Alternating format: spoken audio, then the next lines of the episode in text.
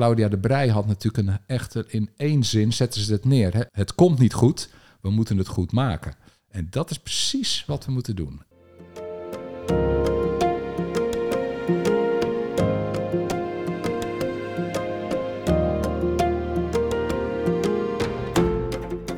Hey, leuk dat je luistert naar Toekomst voor Natuur, aflevering 40. De podcast van de Vlinderstichting met spraakmakende verhalen over natuur en natuurbescherming in de lage landen. Steeds meer mensen zetten zich vrijwillig in voor de natuur. Waarom doen ze dat eigenlijk? En wat is het geheim van vrijwillige natuurbescherming? Ik ben Antoni Stip en in deze aflevering spreek ik daarover met Jaap Graveland, voorzitter en boegbeeld van de Natuur- en Vogelwacht Krimpenerwaard, vogelteller en informatiespecialist natuur bij Rijkswaterstaat. Jaap, van harte welkom in Toekomst voor Natuur. Dankjewel, Anthony. Leuk om hier te zijn. Ja, nou Jaap, ik ken jou als een, uh, een polderjongen die zich met hart en ziel inzet voor natuur. Ik ben wel nieuwsgierig, wat drijft jou? Dat is, dat is een, hele leuke vraag. En uh, ik ben eigenlijk vanaf het uh, begin al met natuur bezig. Ik ben opgegroeid in Al van der Rijn, in een buitenwijk die, die toen eind jaren 60 voor het eerst werd gebouwd als onderdeel van Ridderveld. Er wonen nu 50.000 mensen. En er waren gigantische opspuitterreinen van kilometers. En als jonge jongens, als we niet voetbalden, gingen we daar natuurlijk op woensdagmiddag en zaterdag naartoe. Dus ik weet nog, dat was drijfzand, dat we met plankjes naar een klutennest gingen. Hè, om niet in dat drijfzand te belanden. Kijk. En dat later, toen het begroeid raakte, uh, zaten er bokjes uh, in, in, in wat sporen en, en, en fazanten in, en, en patrijzen in, in de wilgen. En ben ik nog op mijn rug door de brandnetels gekropen om te zien waar die bosrietzanger nou broedde, die zoveel op de kleine karakiet lijkt. En ik wilde weten, hoe maakt zo'n beest nou zo'n nestje in de brandnetels? Nou, precies hetzelfde als de kleine karakiet, maar hij is iets minder kunstig, want uh, ja, er zitten toch bladeren in en ruwe stengels. Dus, dus zo, zo is die fascinatie gekomen. En nu heb ik heel sterk... Ja, mijn luidspreuk, ik heb het van, uh, van iemand uh, van Babé Diom. Is in uh, 1968 hield hij een toespraak. Het is een Senegalese natuurbeschermer, bosbouwer. En die hield voor de IUCN een toespraak. En dat vind ik zo'n mooie toespraak. Ik zal proberen hem uit mijn hoofd te doen. In the end, we only protect what we love. We only love what we understand. And we only understand what we are taught. Dus wat we geleerd krijgen. En dat vind ik zo'n krachtige uitspraak. En dat motiveert mij elke dag. Hè? Dus het tellen, vertellen, herstellen. Uh, ja, dat, dat uh, is uh, wat, ik, wat ik mooi vind en belangrijk vind. Ja, nou vraag ik al mijn gasten, dus ook aan jou. heb je favoriete natuur? En als je ons eens meeneemt naar die favoriete natuur, wat zien we dan? Wat horen we? Wat ruiken we? Hoe worden onze zinnen geprikkeld als we met jou op pad zijn in jouw favoriete natuur? Twee plekken uh, komen dan vooral naar voren. Dat is het Geuldal. Ik ben iemand die uh, houdt van, van parkachtige uh, landschappen.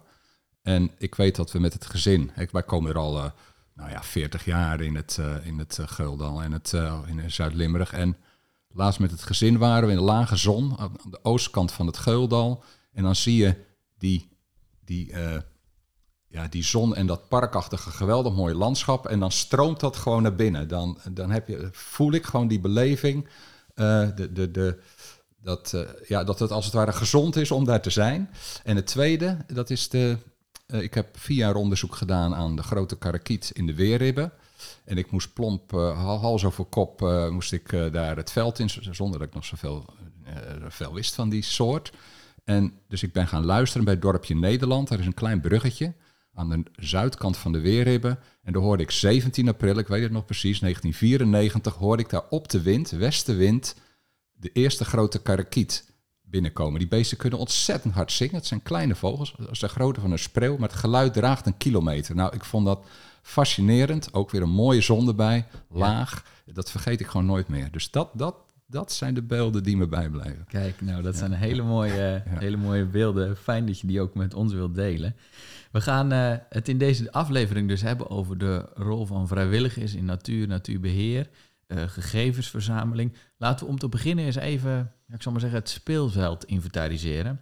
Want uh, als je kijkt naar vrijwilligerswerk in Nederland, volgens het Centraal Bureau voor de Statistiek, neemt dat het aantal Nederlanders wat zich inzet als vrijwilliger, dat neemt af. In 2012 tot 2019 deed nog gemiddeld 49% van de mensen die ouder is dan 15 jaar tenminste één keer in dat jaar vrijwilligerswerk. En in 2021 was dat afgenomen tot 39 procent. Toch zie je dat ehm, mensen die zich als vrijwilliger uh, voor uh, natuur inzetten, bijvoorbeeld voor natuurmonitoring, dat dat een hele groeiende groep is. Inmiddels is dat, uh, zijn dat ruim 16.000 mensen die zich voor natuurmonitoring inzetten. En voor natuur, ja, herstelwerkzaamheden en dat soort dingen zijn dat nog veel meer mensen. Waarom is nou natuurvrijwilligerswerk zo toenemend populair, denk jij?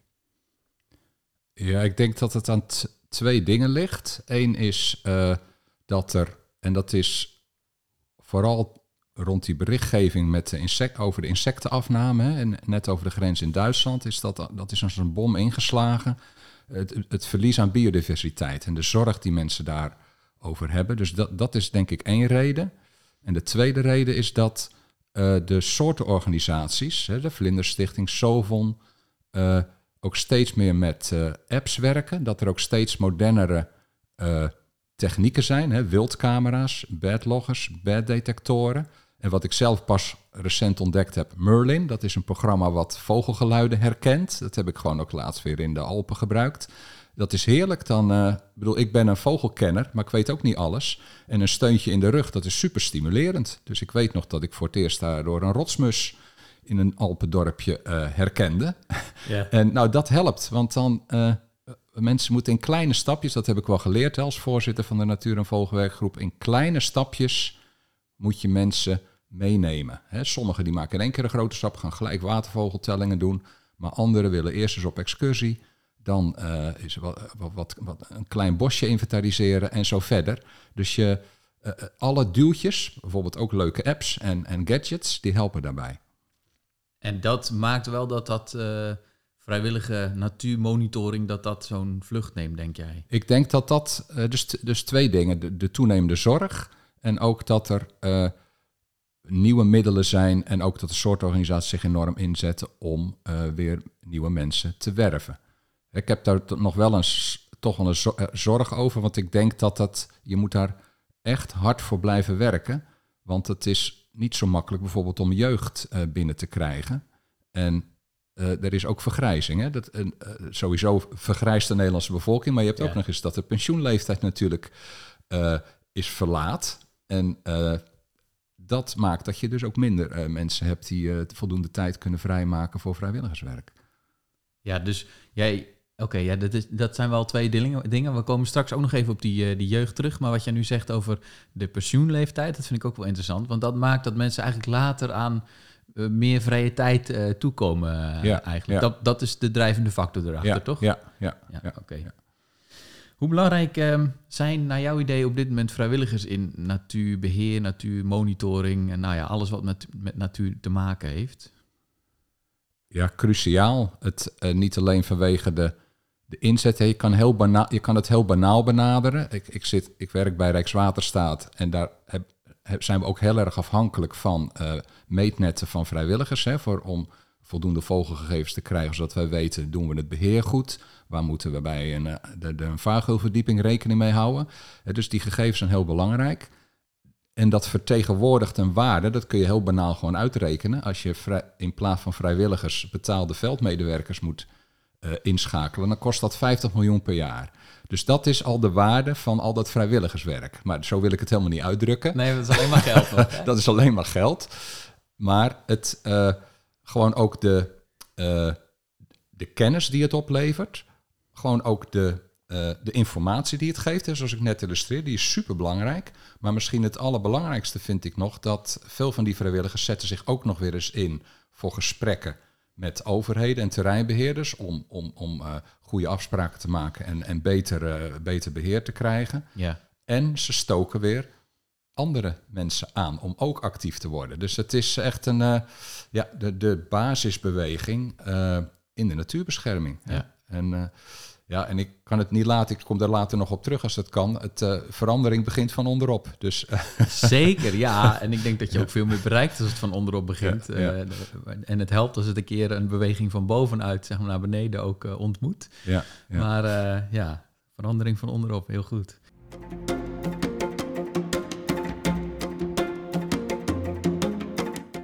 Als we even naar jouw eigen, ik zeg even jou, uh, want je bent voorzitter van de Natuur- en Vogelwacht Krimpenerwaard. Vogelwerkgroep. Ja. Sorry, Natuur- en Maakt niet uit, ja. Vogelwerkgroep Krimpenerwaard. Ja. Um, in uh, Zuid-Holland, voor de mensen die het niet kennen.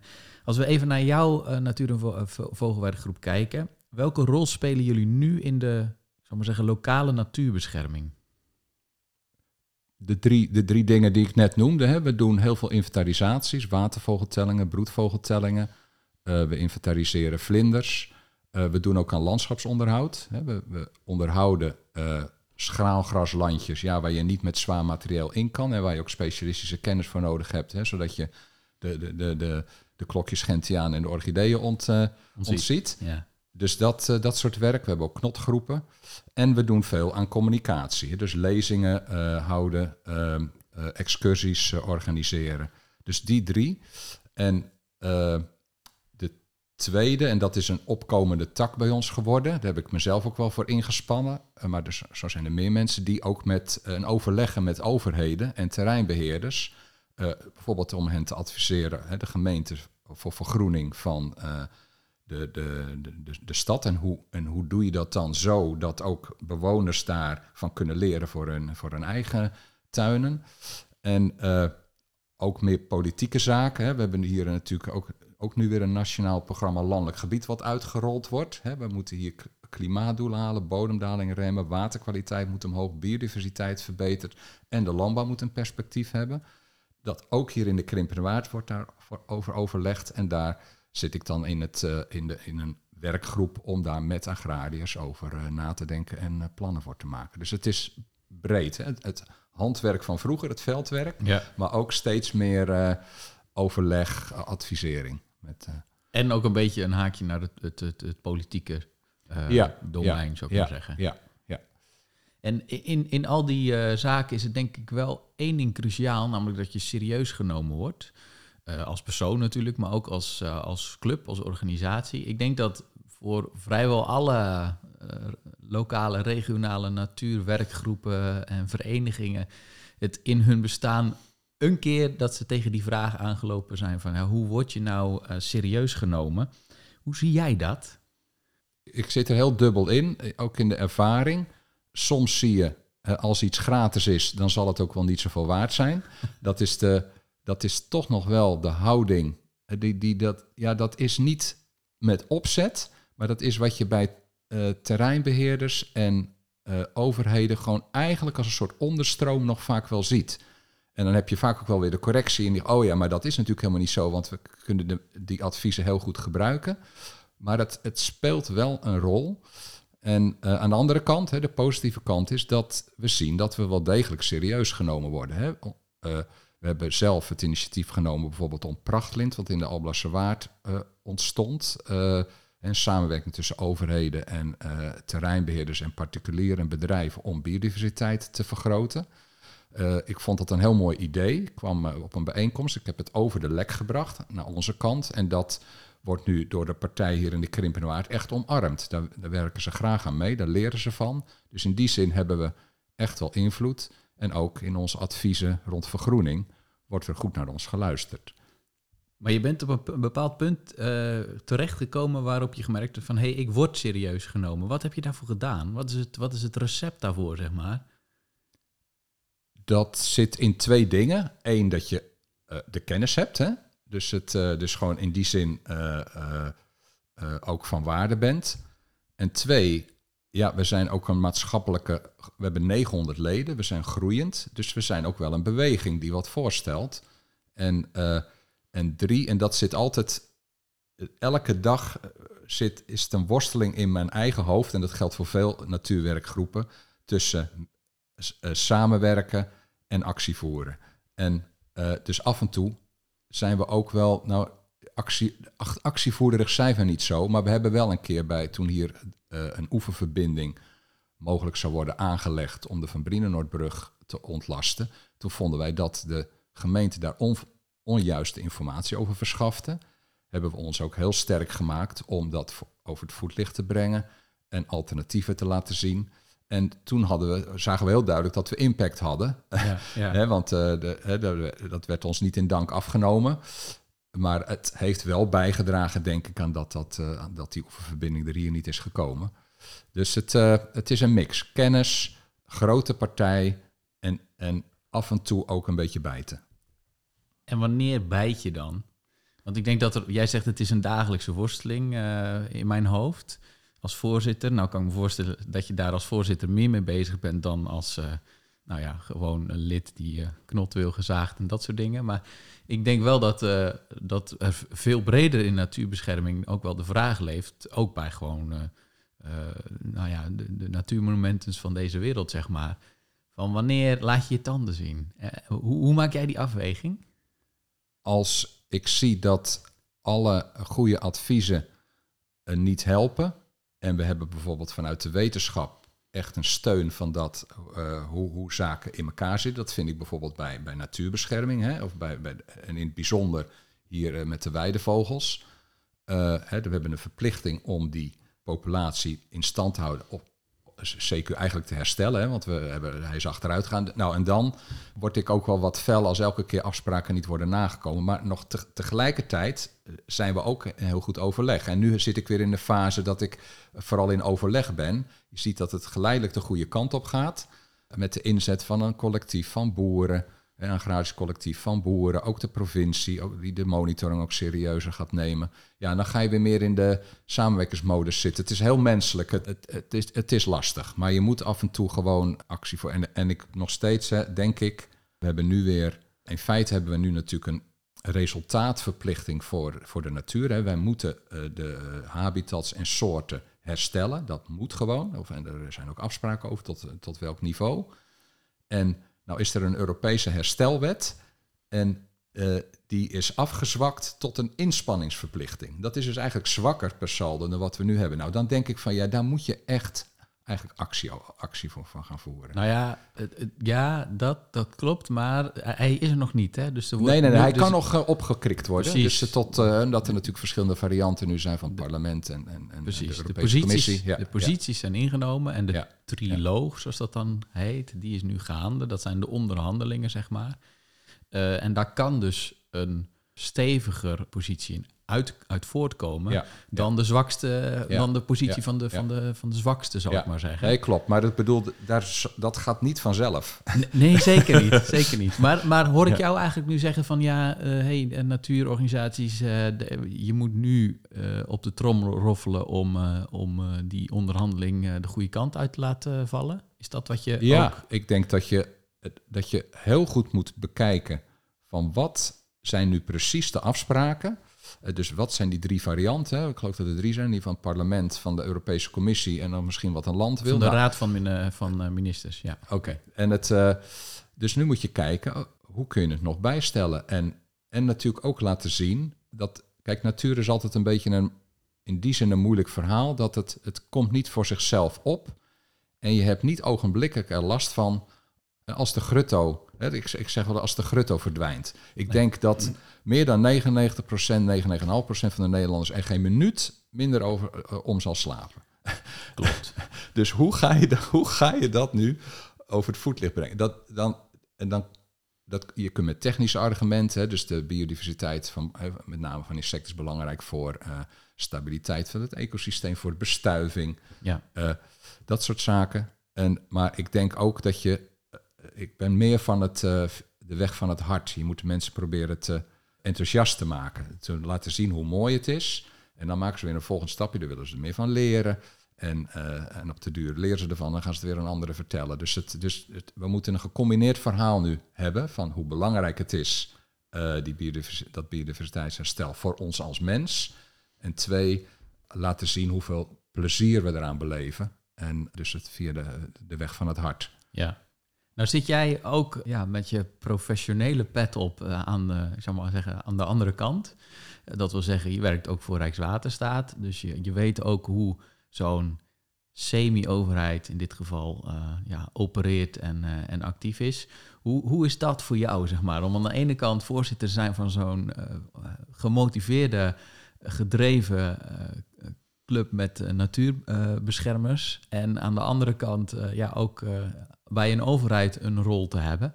Een semi-overheid. Nee, het is echt wel overheid. Even de, bijvoorbeeld eh, om het even het onderscheid te maken. Wij zijn ho- 100% maken we onderdeel uit van de overheid. Gewoon een uitvoeringsorganisatie. In Stadsbosbeheer staat, hè, dat is, staat weer iets verder vandaan. Dus wij voeren in principe uit wat het beleid zegt. Dat is een beetje, de- de- dus voor Rijkswaterstaat wel eens een beetje een strijd. Want er zitten ecologen zoals ik, die willen natuurlijk wat meer. En, en, en de verkeersmensen, die hebben daar weer wat minder mee bij Rijkswaterstaat. Nou, zo, dus we zijn net mensen, die ambtenaren.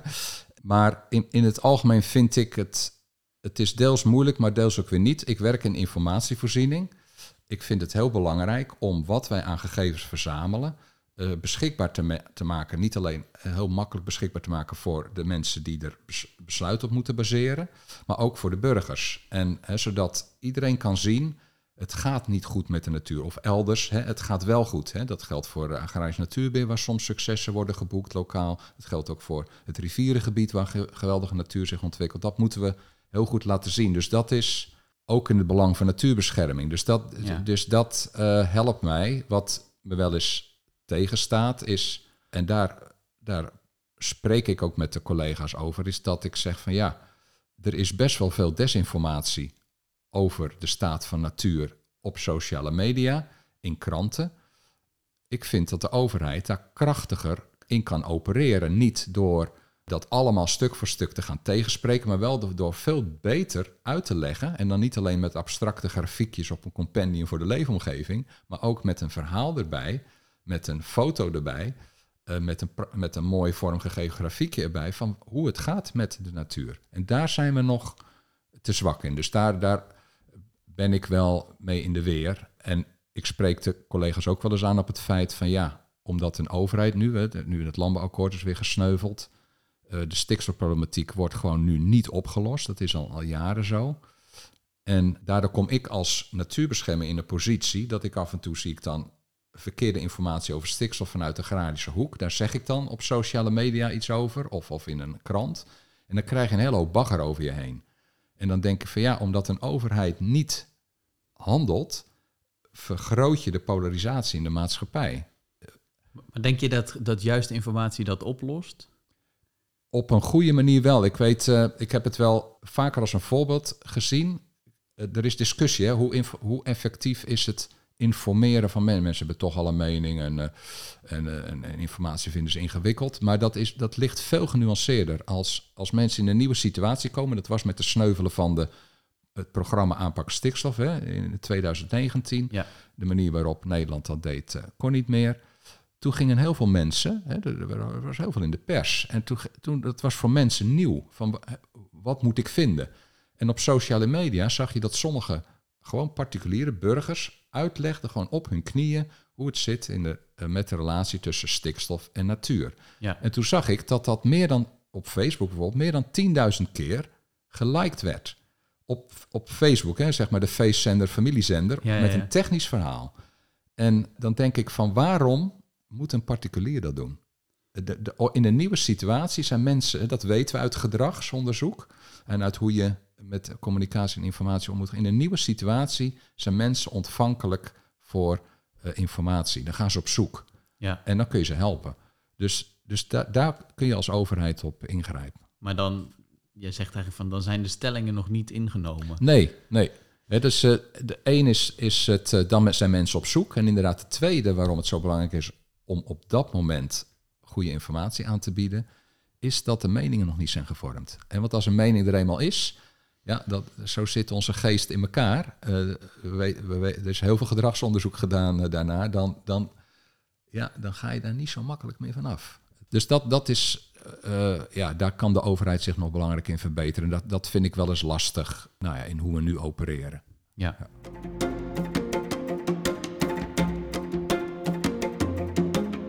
Ik wil nog even terug naar die vrijwillige natuurbescherming.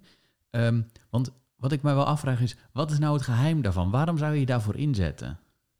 Er zijn diverse redenen en het verschilt enorm tussen mensen. Het, eh, sommige mensen die willen gewoon lekker buiten bezig zijn. Andere mensen doen het om gezond te blijven. Weer andere mensen interesseert het om, eh, hey, die, wat, wat is dat voor vogel en eh, waar, kan ik er informatie over vinden? Ik ga naar een excursie of een lezing En dan wil ik ze ook, eh, nou, dan wil ik ze ook gaan inventariseren. Ja. Eh, dus dat zit in onze vereniging en overal in het land komen mensen op verschillende manieren binnen. En, en dat is prima, want je moet eigenlijk mensen proberen te, te, te, te werven en te binden vanuit de interesse die ze hebben. En heel vaak zie je dat van het ene het andere komt. Hè. Dan zijn mensen aan het knotten, dan zien ze allemaal planten in zo'n knot willen staan. En, en eh, vogels, er, er zitten wel 15 soorten vogelsbroeden in die knotwilgen. Ja. En daar willen ze meer van weten. En dan worden ze eh, eh, monitoren. Dus zo, zo eh, wisselt het. En dat maak ik binnen de vereniging voortdurend mee. En eh, dus het is echt heel eh, breed. En, eh, en dat moet je ook koesteren en, en onder aandacht brengen. En, ja. En, en, en misschien ook rekening mee houden in, in hoe je mensen werft of zo, dat er verschillende routes eh, Ja, zijn waarop ja, mensen aanhaken. Ja, ja dus, dat, eh, dus dat doen we ook. Hè. Het besef dat, eh, dat je mensen niet, moet, niet te veel moet dwingen. En dat als ze maar dat stapje zetten, hè, ik, ik zei het al eerder, een stapje zetten, dan gaan ze daarnaast een andere stap zetten en ook weer eens opzij. En dan ga ik nu monitoring doen. Of ik, hey, ik wil die soorten die ik nu, de weidevogels die ik nu tel, daar wil ik dan ook de boeren in adviseren. En, en ik wil eh, met, met het Zuid-Hollands landschap eh, kijken hoe, hoe het beheer in, in hun terreinen beter kan. Dus zo, zo verspreidt ook de, de, de activiteit van, van mensen zich. Ja. Je noemde eerder al even eh, jeugd, dat het lastig is om, eh, om jeugd eh, te, te, te motiveren en te binden aan je vereniging. Hoe gaan jullie daarmee om? Nou, ik heb geleerd dat eh, de kracht van iets zit in... Je moet het vaak twee keer proberen. Dus als je het eerste keer mislukt, gewoon nog een keer doen. En we hebben een heel goed voorbeeld. Eh, dat is, eh, we hebben twee gemeentes in de Krimpenerwaard. De gemeente Krimpenerwaard, dat is verreweg de grootste gemeente. En de gemeente Krimp aan de IJssel. Eh, dat is een, vrij compact, dus stedelijk tegen het Kapel en Rotterdam aan. En in Krimp aan de IJssel heb je nog een hele actieve jeugd-natuurwacht. Die heb je niet zoveel meer in het land. Vroeger was het een grotere beweging, maar in Krimp aan de IJssel heb je nog een hele actieve kern. En dat zijn dus één gangmaker, eh, gepensioneerd, ja, die heeft dus tijd, eh, met een paar ouders die zijn aangesloten. En die gaat elk najaar, gaat hij alle scholen van Krimp aan de IJssel af, hè, negen of tien, met het eerste verhaaltje over natuur. Eh, voor de, geloof voor de vierde en vijfde klassers, ik weet even niet, vijfde groepers. En, het, en, en daarna nog een keer van wat de jeugd natuurwacht doet. En zij hebben 130, 130 hè, kinderen onder hun hoede. Kijk, Waar ze dan activiteiten voor organiseren. Maar ja, die, die zeggen ook wel, ja, ehm, het is ook wel een beetje veel werk. Nou, wij hebben als eh, NVWK natuurlijk heel veel activiteiten, maar niet zoveel kinderen. Dus we, we doen veel samen. ja. En, eh, en wat ik nou zou willen, en daar eh, is dat we ook in de Krimpende Maand natuurlijk zo'n beweging krijgen langs die scholen gaan. Want op, wij weten, we zijn ook wel langs scholen geweest, dat eh, de meeste scholieren, dit gaat dan om een, eh, een, een HAVO, eh, een HAVO school in, in, in Schoonhoven. We hebben daar een verhaaltje gehouden voor zeg 125 eh, leerlingen over een bepaald onderwerp. En maar twee of drie of zo kenden de NVWK. Terwijl eh, 900 leden. hè. En, Ja. Maar dat illustreert, hè, dat komt ook uit onderzoek, de jeugd die, die kijkt daar niet per se naar rond, dus die weten dat niet. En dus wij willen nu hopen, nu ondersteund door de gemeente, dat we een paar mensen vinden om ook weer langs die scholen te gaan. En als je eenmaal één persoon hebt, die neemt dan op de duur, dan ga je ook excursies organiseren, dan gaan ouders mee als begeleider. En die ouders, die, oh, die wil, ik wil ook wel wat meer doen. En dan kan het gaan groeien. En, en waar wij nu even in zitten, is dat we niet dat eerste stapje weten te zetten. Maar ik weet hoe het werkt, dus wij blijven dat gewoon proberen. Ja, ja, ja. Ik hoorde jou ook, eh, jij zei ook van, dat is bij de, eh de Jeugd Natuurwacht in eh, Krimp aan de IJssel, dat is één iemand die, dat, die de boel trekt. Dat is ook wel kwetsbaar. Want als die één iemand zegt van, nou jongens, ik, het lukt ja, mij niet ja, meer. nee, dat, dat is ook zo. Nou ja, we hebben zelf ook een. we hadden een, een waterwerkgroep. En dan krijgt de trekker daarvoor te druk. En dan zakt dat in elkaar. En dat is, want eh, de Krimpende Waar bestaat voor een kwart uit water. Hè? Dus, de- en er is nogal wat te doen eh, hier met die kreeften. En, Ja, ja, ja. Oh, ja. en aan de andere kant de inzet van boeren voor, voor eh, eh, oeverbeheer. Dus dan wil je ook weten van wat levert dat op. Hè? Dus eh, kun je dat gaan monitoren. Dat is leuk, een mooie samenwerking tussen burgers en boeren. Maar dat, dat lukt ons nu onvoldoende. Eh, ja, dus wij, dat is blijven proberen. Ik heb nu ook een, een zoogdierwerkgroep geïnitieerd. Hè? Dus het eh, gewoon, want we hebben nu natuurlijk, ik vertelde net, allemaal nieuwe spullen. Hè, dus uh, wildcamera's, Ja. bed-detectoren. En tegelijkertijd komt hier nu de otter. Hè, die komt naar binnen. De bever zit er al flink. De eerste boommarters zijn gearriveerd. Dus er is ook wat te beleven. Ja. En eh, dus ik heb dat gecombineerd in een verhaaltje van willen, jullie, willen mensen meedoen eh, om, een, eh, om een zoogdiergroep op te richten. Nou, en die begint nu echt vorm te krijgen. Oh ja. Ja, en dan moeten natuurlijk eigenlijk het liefst heb je dan iemand, een coördinator die opstaat, of dat, dat ze mensen zichzelf gaan organiseren. En die kant gaat het op. Dus zo, ja, zo, zo. eh Ja, ben gaat, voortdurend bezig en zo zou het voor de jeugd dus ook moeten zijn. ja, en, En, en, en ook wel de realisatie, denk ik, dat bepaalde dingen ook in een cyclus gaan. Dus het, het is, sommige dingen zijn nu populair, maar misschien over 15 jaar niet meer. En dat, Ja. is, ook, dat Ja. is ook prima. Ik bedoel, Ja, ja. Nou ja, we hebben ook wat, wat we ook wel merken is, eh, ik heb dat zelf nog ook met de werving. Het best, de beste manier om mensen te werven is om ze direct te benaderen. En, eh, en wij ge- gebruiken ook voor jonge mensen vaak het argument: het is goed, hè, dus die, die een groene interesse hebben, zeg maar, hè, die met een bos- en natuurbeheer opleiding volgen. En eh, van joh, eh, wil je niet eh, een coördinerende functie op je nemen of überhaupt je meer inzetten voor een vereniging? En dan gebruiken we het argument van dat, en dat is ook zo, van dat het goed staat op je cv en je leert ervan. Oh ja. Het is goed voor je netwerk. Ja. De keerzijde is natuurlijk dat we na vijf jaar of zes jaar die mensen kwijt zijn. Daar kan ik allerlei voorbeelden van noemen. De ene gaat naar Bosbeheer, de andere naar eh, natuurmonumenten, dan weer naar Soven, dan weer naar Floron. En eh, dus we, zijn, we zijn ook een opleidingsinstituut. zeggen, dat, is, dat kun je ook als een enorm compliment zien en, natuurlijk. dus, dus dat is ook niet erg, want in, daarmee versterken we ons eigen netwerk natuurlijk weer. Maar ook hebben we zes of zeven jaar de inzet van die mensen gehad. Dus, eh, dus dat is allemaal prima. Ja. En eh, alleen, ja, je hebt natuurlijk dan wel de opgave, dan zijn ze weg. Ja, dan moet je weer een nieuwe zien te vinden. Ja. Ja. dat is waar. Maar ja, en als je dan eh, eh, geregeld hebt dat je in je werkgroep voortdurend aanwas van nieuwe, nieuwe enthousiastelingen hebt, zeg maar. Dan zou het kunnen dat daar er ook weer eentje tussen zit die het, eh, die Ja, het dan. ja. eh, Maar dat is hard werken. Maar het, het, eh, dat, hè, dus we, we, hebben, ja, zo gaat dat dan bij ons al, al jaren. Zoeken we nu een vogel. Nee, we hadden weer een vogelcoördinator. Nou, nu is het nu weer, nu weer niet. En dat is echt een gemis. Eh, ja, en dan moeten we blijven werven. En dan hebben we ook weer eh, eh, bellen is het beste, direct benaderen. Eh, gewoon een, een berichtje in een krant. Eh, kan ze ook soms zomaar werken. Hè? Dus je, we hebben verschillende mogelijkheden. Je Ja, moet precies. het altijd eh, verschillende wegen bewandelen. Ja. Maar, Ja. En je bent inventief, dat hoor ik ook wel. Ja, ja, ja. Noodgedwongen misschien, maar eh, Nee, maar ook omdat ik ook weer heb geleerd. Ik heb een poosje in het programma Groene Vrijwilligers gedraaid. Dat is, heeft jaren geleden gedraaid. Hè, om van hoe kun je nou ook weer, denk ik, vanwege die insectenafname, zo is dat gestart. Hè, dat overheden en soortorganisaties samen zijn gaan denken van hoe kun je nu mensen werven? Wat vinden groene vrijwilligers? Wat vinden mensen belangrijk? En hoe, hou, hoe kun je ze ook binden? Hè? Dus dat ze blijven. En eh, ja, daar heb ik ook vanuit de Rijkswaterstaat, hè, vanuit het belang van Rijkswaterstaat. En tegelijk met een petje van vrijwilliger. Hè, dat, Ja. is, dat is heel nuttig om die beide werelden te kennen. Heb ik daarin meegedaan. En eh, ja, daar pak, pak ik dan eh, kennis uit op. Maar het is goed dat dit even te sprake komt. Want wat mij dan opvalt, hè, daar, daar, daar, is, er, staat, daar zijn hele goede onderzoeken in gedaan. Er is heel veel geleerd in dat programma. Ik heb hele, hele stimulerende workshops meegemaakt. Met eh, eh, alleen die kennis, die, de, de gemiddelde natuurwerkgroep, en ik ken de natuurwerkgroepen aardig goed, die weten helemaal niets van dat programma. Dus dan denk ik, daar is dan toch ook wel weer overheidsgeld in gegaan. ja. Het is een tijdelijke actie.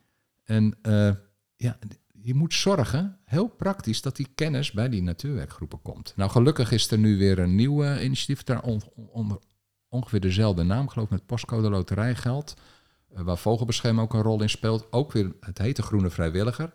Dus je kan zo heel veel van die expertise weer in dat nieuwe programma brengen, die we al hebben, om, eh, en dan nu wel de stap naar natuurwerkgroepen te Ja, maken. ja. Ja. Groene vrijwillige gouden inzet, geloof ik, heet het. Eh, Oké, ja, ja. oké, ja, ik weet, ik weet niet. Een collega van mij ervan. eh, is er ook eh, bij betrokken, weet Ja, ik. ja. Collega Kas.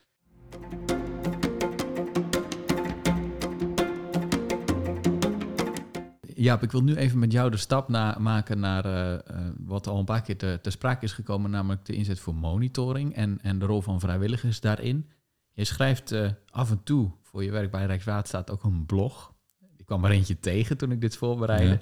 En eh, dat was een blog van vorig na- najaar. En daarin schreef je eigenlijk van... nou, ik heb net, eh, in september was dat... ik heb net mijn eerste watervogeltelling weer gedaan. En als vrijwilliger hè, in je eigen tijd. En je schreef dat niet zo letterlijk, maar dat was wel wat ik erin las. Van nou ja, bij wijze van de volgende dag kan ik die gegevens in mijn werk als informatiespecialist natuur bij Rijkswaterstaat, kan ik die gegevens gelijk gebruiken. En ik liet dat even op mij inwerken. En dan zoom ik even uit. En toen dacht ik, ja, je kunt hier natuurlijk als je met een cynische blik kijkt, ook best wel uh, van zeggen van ja, maar het is heel zuinig, weet je. Jij, jij moet in je eigen tijd een telling doen, die vervolgens als je het petje uh, petje wisselt, uh, kun je die gebruiken. Dat is, is, ook best een rare situatie, of niet? Hoe zie jij dat? Ja, zo kun je er tegenaan kijken. Maar we hebben in Nederland een hele fijne situatie dat heel veel mensen die gegevens willen verzamelen. En ondertussen hebben we ook afspraken gemaakt dat we dat soort gegevens ook nodig hebben om ons beleid te, te, te formuleren. We moeten bepaalde doelen halen in gebieden of aantallen vogels bijvoorbeeld, hè, 100 wespen die we op de Veluwe, ik noem maar wat. Ja, ja. En uh, dus dan zijn die tellingen ook cruciaal om te kijken of je dat haalt. Dus als je die tellingen van vrijwilligers niet zou hebben, dan zou dat gewoon door betaalde krachten uh, moeten gebeuren. Sterker bij Rijkswaterstaat, we hebben natuurlijk de grote wateren, de Noordzee, de Grevelingen. Ja, die kun je gewoon niet tellen met uh, vrijwilligers. En de Waddenzee wordt wel door vrijwilligers geteld. Hè. Daar is natuurlijk al een een hele lange historie van, vanwege dat belangrijke gebied met allerlei vrijwilligersgroepen, de Universiteit uh, van Groningen die daar actief is. Dus daar lukt het wel. Hè? Het is een hele, hele organisatie. Ja. Maar um, in de Delta en op de Noordzee kan dat natuurlijk niet. Dus daar wordt door betaalde krachten geteld. Dus, dus, die, dus vrijwilligers zijn onmisbaar vanwege, je kan het nooit met veldmedewerkers uh, dat allemaal, allemaal doen qua kosten, maar ook gewoon uh, inzet. Zie al die is, mensen maar eens te vinden. Maar dat is een politieke uitspraak. Hè? Je ja, kan het ja. niet, want jij zei net, nou ja, net het is, even 50 heel, het is miljoen, heel moeilijk. Ja, 50 miljoen. Ja. Ik denk dan, ja, het is, ja, een, nee, dat is, je een, hoop, gelijk het is een hoop geld. Maar aan de andere kant, we zijn een ontzettend rijk land. We kunnen ook vele miljarden uitgeven aan het onderhoud van onze infrastructuur. Dus 50 miljoen is dan... Nee, daar heb je helemaal gelijk. En ik En denk dat, dat, eh, er, dat er genoeg mensen zijn die het ook leuk zouden vinden. Zo, hebben het dat eens even, zo begon je je vraag. Zo denkt men in overheidsland niet.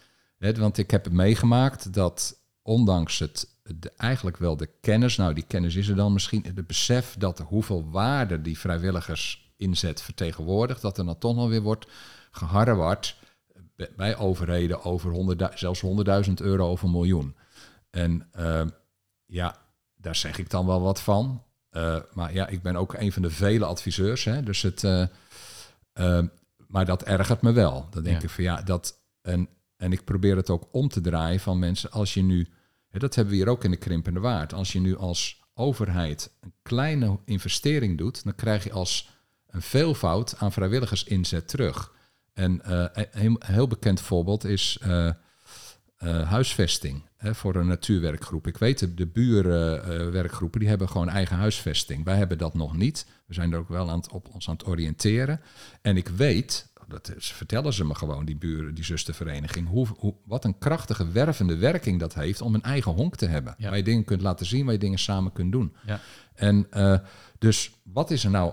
Dus laat een gemeente of een andere overheid daar bijvoorbeeld eens in investeren. Want ze krijgen een veelhoud, een veelvoud aan, aan eh, inzet terug. Dus je kan, daar moet beter over nagedacht worden. En ik heb ook wel een paar organisaties de vraag gesteld. Denken jullie wel eens na over of, hoe je een lokale natuurwerkgroep op een strategische manier, hoe je die kunt versterken? Mhm. Die vraag komt nooit bij ze op. Je, er komt wel bij ze op om het te gebruiken en het wordt ook gewaardeerd en het Ja. wordt, wordt ook geluisterd.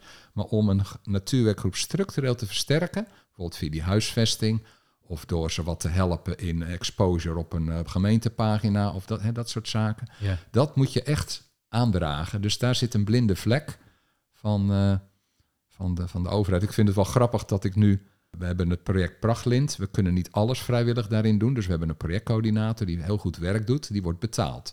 Maar op, we krijgen ook subsidie van de provincie Zuid-Holland. En die wil dan, dat is ook wel logisch, een, een contraprestatie zien. Dus nou zit ik uren te schrijven Als vrijwilliger. als vrijwilliger of op Prachtlint, terwijl we dat bij Rijkswaterstaat eh, ongeveer tien jaar geleden hebben afgeschaft, omdat er eh, 200 mensen van de 9000 waren bezig met het administreren van, van uren. En het, is nog steeds, do- doen we natuurlijk wel capaciteitsramingen, dat heb je echt wel nodig. En we, we houden natuurlijk nog in de gaten van hoe gaat het met die tijd. Maar dat letterlijk uren schrijven, dat doen we niet meer. Terwijl ik nu als vrijwilliger dat er wel aan het doen ben. En waarom zeg ik dat? Omdat dat ook illustreert, nou ja, het maakt het tastbaar wat, wat al die inzet is. Ja. En, eh, en dat is eh, dus in die zin draagt het ook weer bij aan het bewustzijn van, eh, van de, bij de overheden. Van, uh, zit niet op een dubbeltje op de eerste rang en, en sterker zelfs, versterkt die inzet. Want dat kun je met relatief weinig middelen, kun je die inzet enorm, krijg je een, minstens het equivalent aan inzet terug. Ja, ik merk wel aan, aan wat jij vertelt dat jij er best wel aan moet trekken. Aan wat? Nou, aan dat investeer nou eens in zo'n werkgroep. Ja, ja, dat is niet de. Wat dat betreft denk ik wel eens van. De, we hebben het allemaal druk. Hè, dus ook. Uh, er is best wel een, uh, veel te doen hè, bij, bij die overheden. Er is, ik bedoel, eens kijken wat voor issues, wat voor crisis er allemaal zijn. Moet allemaal aan gewerkt worden. Ja, ja. En uh, alleen het, het, het, er is onvoldoende besef van buitenwereld. Hè, van hoe en ik denk wel eens, uh, we hebben nu recent met, uh, met ons agrarisch collectief en ook met een uh, collectief Noord-Holland-Zuid, hebben we veldbezoeken gehad. Dat het heel goed zou zijn om als de hoogste bestuurders, de beslissingnemers, dat we die nog vaker, want ze gaan ook vaak op veldbezoek, maar dat we ze nog vaker laten zien hoe hun besluiten in de praktijk uitpakken. En dat de regelgeving dwars zit, dat de vrijwilligersclubs uh, net wat meer steun zouden kunnen hebben, waardoor je de, de als, als overheid een hoger rendement uh, of daar meer voor terugkrijgt. Dat, dat, er zou ook een direct contact moeten zijn tussen met name die hogere ambtenarij, denk ik, waar de besluiten uiteindelijk vallen, en gewoon uh, de werkvloer in een gebied. Dat, daar zit een, een weeffout. Dat, dat ik kan, mensen zoals ik kunnen van alles aanreiken. Dat gaat dan door een paar filters van de managementlagen heen. Ja. En uh, ja, tegen de tijd dat het uh, hoger ergens op een, uh, op een bestuurstafel komt, dan wordt er of niet begrepen of verzakt, valt het van de agenda af. Hè? Maar wat zou het belang van de hogere bestuurslagen zijn om dat te doen? Ik bedoel, ja, het kan ook wel makkelijk zijn als je niet weet wat, er, wat precies de effecten van jouw beslissingen zijn. Want ja, wat niet weet, wat niet deert, zeg maar. Even nou ja, als cynisch het, gezegd, hè? Nee, nee, nee, maar als ehm, als je inzet is, uh, uh, bijvoorbeeld van het ministerie van Landbouw of van een provincie, om uh, meer voor natuur voor elkaar te krijgen. Hè? Dus het, ja, dan, dan helpt het wel om te weten van hoe kun je daar de maatschappelijke groepen in helpen. En dus, dus in die zin is het ook in hun belang. Ik weet, een mooi voorbeeld is.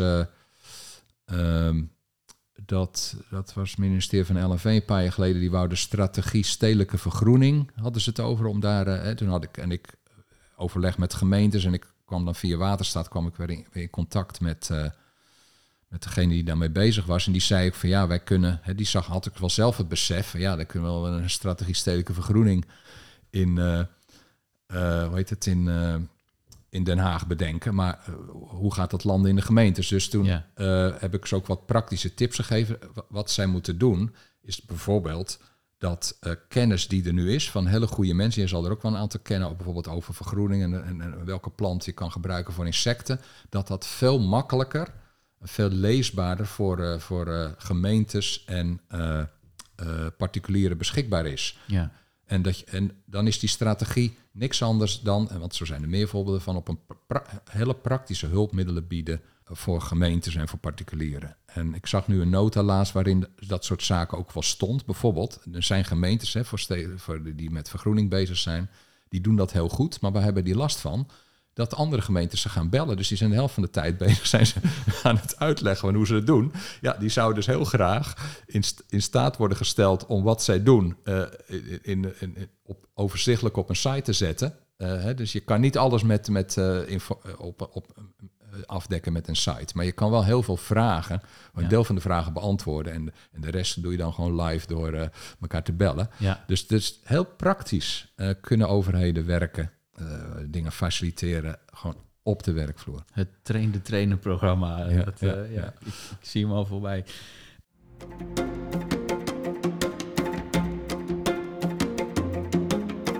Wel- Welke rol zie jij, eh, als even de blik naar de toekomst werken, welke rol zie jij in de toekomst weggelegd voor vrijwilligers in natuurbeheer en natuurbescherming? Ik denk dat die rol in principe hetzelfde blijft. Hè? Dus is, eh, ik ben heel benieuwd hoe, de, hoe de toekomst zal gaan, daar komen we natuurlijk nog op. Maar het, eh, dus die rol blijft minstens even belangrijk. Er is, de, de drukken blijven toch per saldo toenemen op de natuur. Dus je hebt de mensen ook eh, nodig. En ik denk ook, ook met de vergrijzing dat het, dat we het ook belangrijker wordt voor de mensen zelf. Hè. Het is heel motiverend, en dat merk je ook. De mensen zeggen tegen mij wel, er gaat een wereld voor me open. Ja. Of, eh, en het is, we weten hoe belangrijk het is voor de gezondheid van mensen om buiten bezig te zijn. En met het hoofd en met eh, gewoon fysiek. Hè? En het, eh, dus ik denk dat met het toenemende ouderdom en dat het ook steeds belangrijker wordt om in de natuur bezig te zijn. Omdat je zo actief, eh, zo, zo vitaal blijft. Dus het, eh, je moet allemaal het, geluk hebben dat je gezond blijft. Ja. Maar het gemiddeld draagt het ertoe bij om buiten bezig te zijn. Dus, het, dus in die zin zie ik een toenemend belang uit eigen belang voor de, voor, voor, voor de mensen. En, eh, en, nou ja, en ook omdat de natuur eh, ook onder druk blijft staan en we toch dat herstel willen realiseren. Dus, die, dus daar hebben we echt de vrijwilligers eh, blijvend voor nodig. Ja. We zijn nu eh, aangekomen bij een vast onderdeel van deze podcast, namelijk de leestip voor de luisteraars. Heb jij een leestip? Ja, ik heb er, ik heb er twee. Eén boek, eh, dat is eh, het boek Change van Damon Centela, een paar jaar geleden uitgekomen. En dat beschrijft hoe ehm, veranderingen, maatschappelijke veranderingen tot stand komen. En dan niet hele simpele dingen, hè, van als je, als je een, iets slimmers kan doen en waar, waar, je ook, waar je ook geen probleem mee hebt, dan neem je dat zo over.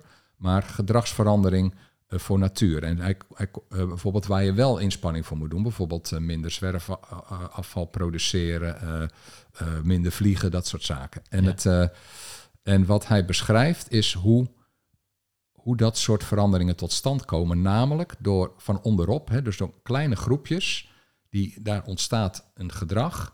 Eh, op een gegeven moment krijgt dat een, een, een zogenaamde kritische massa. Dat kan hoeft maar een kwart te zijn. En omdat wij in ons gedrag ons aanpassen aan de sociale norm, aan wat anderen doen, Ja.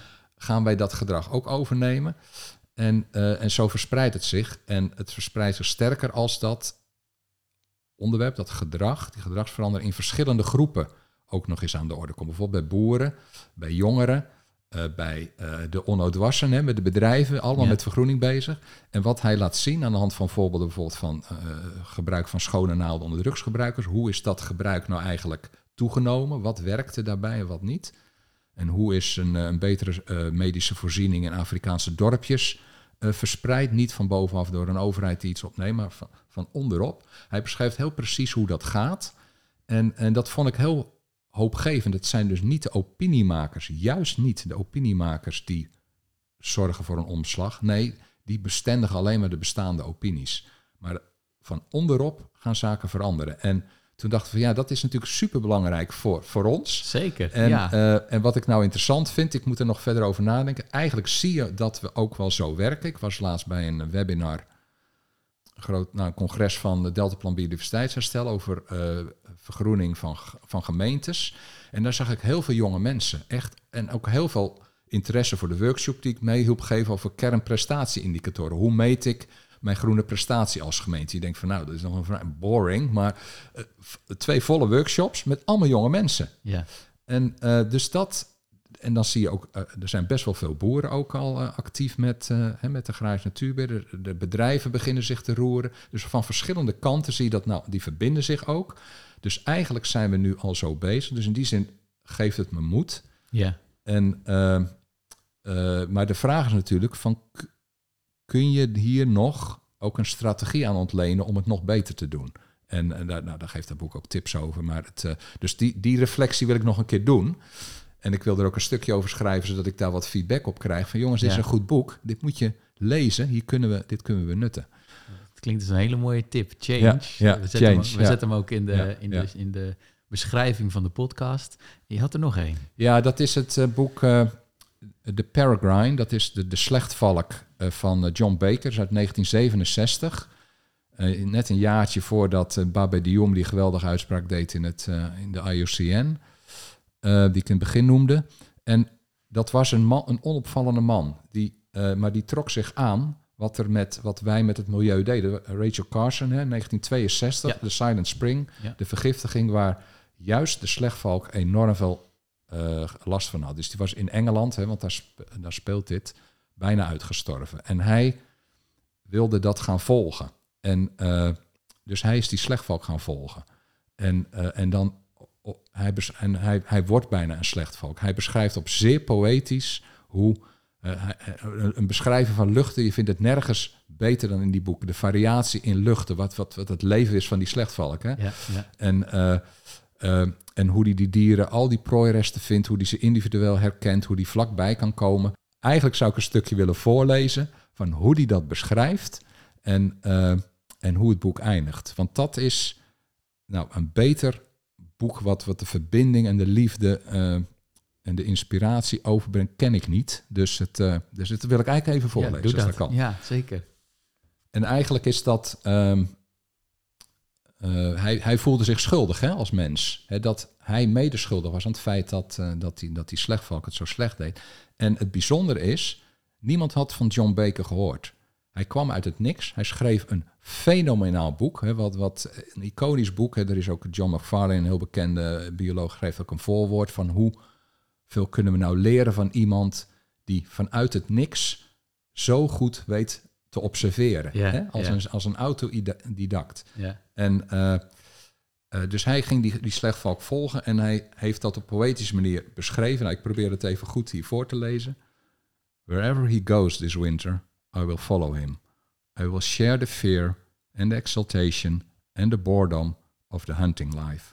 I will follow him till my predatory human shape no longer darkens in terror the shaken kaleidoscope of color that stains the deep fovea of his brilliant eye. My pagan head shall sink in the winterland and there be purified. Nou, ik, ben, ik heb een zwak voor gedichten. Ja. Sommige mensen zullen dit over de top vinden, maar ik vind dit echt, dit is zo mooi verwoord. En het hele boek staat dus vol met dit soort beschrijvingen. En nu even op het eind, om ook te laten zien wat hij eh, wat hij heeft eh, gerealiseerd. Want stel je voor slechtvalk, hè, 300, de, de, de, de topsnelheid waarmee die beesten zijn geregistreerd in duikvlucht 360 kilometer. Stel je even voor, 360 kilometer per uur. Ja. Zo'n dier, dat volgt hij zo goed dat hij bevriend bijna raakt. En nou, dat ga ik nu voorlezen en ze gewoon bijna kan aanraken. Een slechtvalk, hè? Ja, ja, ja. The last light flakes and crumbles down. Distance moves through the dim lines of the inland elms and comes closer and gathers behind the darkness of the hawk. I know he will not fly now. I climb over the wall and stand before him, and he sleeps. Einde boek. Nou, dat is Kijk. toch geweldig? Ja, ja, ja. Dat, Fantastisch. ik, ik krijg er nog steeds, word daar emotioneel van. Want als je dat kan, en het bijzondere is, daarna verdween hij. Hij ging in de bibliotheek werken en niemand heeft meer iets van hem gehoord. Nou, dat is toch, dat is geweldig als je uit het niks zo'n boek schrijft, zo'n inspirerend boek. Wat ook biologen weer inspireren van dit kun je leren als je maar eh, de, de, de- dus de, de toewijding hebt om eh, zo'n vogel te bestuderen. Ja, En, eh, en daarna verdwijnt hij weer. Dat vind ik zo'n mooi beeld. ja. Fantastisch. Ja. Het is ook in het Nederlands, maar ja, eigenlijk eh, de Engels, dat, je moet eigenlijk wel het Engels lezen hoor. Ja, precies. Ja, en wa- wa- waar ik ook aan moet denken, jij zei net Rachel Carson, hè, 1962, dus de, de, de vergiftiging van de wereld was, eh, was heel erg een, een hot item toen. Ehm, maar inmiddels, het is geen vergiftiging, maar eh, slechtvalken nu enorm geraakt door de vogelgriep. Dus ik, ik, jij noemde net Stille Lente en toen dacht ik, ja, maar ondertussen, wij zitten hier deze podcast op te nemen, maar er is, er is buiten echt wel wat aan de hand, ook op dat Ja, vlak, zeg ja, maar. Dus ja, het is wel... Dat, dat schoot even door mijn hoofd zo. ja, eh. nou ja, dat is inderdaad. eh, ik wist dat nog niet zo van die slechtvalk. Ik had het wel gelezen. Hè, want die slechtvalk kan je aan de andere kant zien ook als een succesverhaal. Hè, omdat we die, die, die, die gifstoffen, ja, te laat. Maar goed, uiteindelijk hebben we die dan toch wel. we- eh, in ieder geval die soort gifstoffen weten te bedwingen. Nou, we hebben andere, de neonicotinoïden. Een andere en de PFAS. Maar ehm, de- dus de DDT-achtige stoffen die zijn wel uitgebannen in Europa.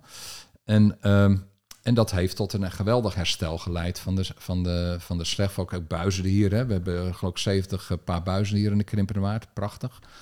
En, eh, ja, en nu krijgen we weer de nieuwe bedreiging. Ja, ik bedoel, we kunnen een heel verhaal houden hoe, over onze intensieve veehouderij. Maar dat is echt weer een apart, chapiter. Ja, zeker. Dus ja. dat, ja, dat is bedroevend. En ik ben ook wel een beetje bevreesd. Want ja, dat, dat virus is nu onder de wilde vogels. Ik moet wel zeggen, kijk, als er zo'n als er zo'n, we weten uit virus, als er zo'n dodelijke virus is, dan krijg ik heel snel dat, dat er natuurlijk uh, nou, selectiedruk op resistentie. Ja. Uh, dat is met, met, met de myxomatose natuurlijk ook gebeurd, onder de konijnen. Dus dat dieren het wel weten te overwinnen. Maar goed, ja, we, we zijn ondertussen 70% van de grote sterns kwijt. Hè? En, ja, ja. En dan denk ik van ja, iedereen is, is nou druk te maken over die, uh, die, die pluimveeteelt. Maar er is bijna geen hulp en, en actie om uh, onder die wilde vogels uh, te beteugelen. Klopt. Pak die pluimveeteelt aan, hè, want het is wachten op de volgende, volgende plaag. Maar goed, Klopt. Ja. Anders Pieter. Ja, ja. precies. ja. ja, mijn, mijn laatste vraag aan jou is, hoe kijk jij naar de toekomst voor natuur in de lage landen? Ik kijk er met de gemengde blik naar. Ik, het, aan de ene kant pessimistisch omdat ik denk van ja, er, we weten wat er verloren gaat. Hè, we weten wat we moeten doen. En, moet en, en nog steeds, hè, bijvoorbeeld ons uh, verbruik van energie neemt nog steeds toe. Hè? Ja. Gewoon landelijk. Gaat ja. neemt nog steeds toe. Ja. en, uh, en nou, we hebben net over die herstelwet gehad. Hè. We, we doen niet eens de, we, kunnen nog niet eens de, de, de, resultaatverplichting halen. En dan, nou, dan moeten we ons nu uh, alle zeilen bijzetten om die, die, die inspanningsverplichting van de herstelwet aan te scherpen. Dus, het, dus dat maakt me wel pessimistisch. Hoeveel gaat er nog kapot voordat we de weg omhoog vinden? En de weg omhoog, daar ben ik dan wel weer optimistisch over. En dan de illustratie noemde ik daarom dat boek Change. En, en, dat, uh, en ik zie dat ook steeds meer jongeren, uh, die komen nu natuurlijk ook van de opleidingen af, dat die zich ook steeds meer beginnen te roeren. En uh, wat dat betreft vond ik het ook wel mooi wat je in, jou, in jouw podcast met Kim Putters, wat hij zei van je hebt we hebben iedereen nodig. De jongeren die natuurlijk op de, nu op de, op de deur gaan kloppen. Ja, het is onze toekomst. Hè. Dus een beetje de herinnering weer aan de jaren zestig. Ja. Dat gaat opnieuw gebeuren. En tegelijkertijd kunnen die niet zonder de ouderen. Nou, onder de ouderen hebben we dus ook natuurlijk nu mensen die zich in, inzetten. Ja. En, en, nou ja, en, en bij bedrijven, dus overal begint wel een beweging te ontstaan. Dus dat, dat biedt hoop. Alleen ja, hoeveel gaat er nog kapot voor we de weg omhoog vinden? Dat, is, dat vind ik wel een, een, uh, dat is een groot avontuur. Een gezellig einde van een podcastaflevering, ja. maar ik ben, ja, maar ik ben ook al een beetje om te prikkelen. Want ik vind, ik vind alleen maar... Kijk, ik weet, dat, dat, dat is voor mij ook moeilijk. Ik weet hoe het werkt. Je moet, als je alleen maar een een negatief verhaal houdt, dat, dat demotiveert mensen. Dus dat doe je ook niet. En, Nee. en daarom zeg ik ook, ik zie ook hoop. Ja. En, maar ik wil ook de scherp erin houden, die hebben we ook nodig. En uh, dan schiet me weer te binnen. Ja, ik ben echt van de zinnen en de taal. En Mhm. uh, mijn vader was leraar Nederlands. Ik zal het va- vast van hem ge- ge- ge- overgenomen hebben. Maar eh, Claudia de Brij had natuurlijk een echte... In één zin zetten ze het neer. Hè. Het komt niet goed, we moeten het goed maken. En dat is precies wat we moeten doen. En, uh, en, en daar is ook de inspanning over. Dus daarom ben ik per saldo, hoop ik, uh, ben ik wel hoopvol gestemd. Alleen ik ben zo bang dat er ondertussen toch nog wel heel veel kapot gaat. En maar, er- maar daar spannen we dus voor, voor ons voor in om dat, om dat echt te minimaliseren. Dus, Precies. uh, Ja, ja, ja. ja. nou. Ja. nou, met die eh, blik vooruit eh, wil ik jou heel hartelijk, hartelijk bedanken, Jaap, voor dit eh, mooie gesprek wat wij hadden. Jaap Graveland, voorzitter van de Natuur- en Vogelwerkgroep Krimpenwaard en informatiespecialist nat bij Natuur bij Rijkswaterstaat. Hartelijk dank. Dankjewel, Anthony. Graag gedaan.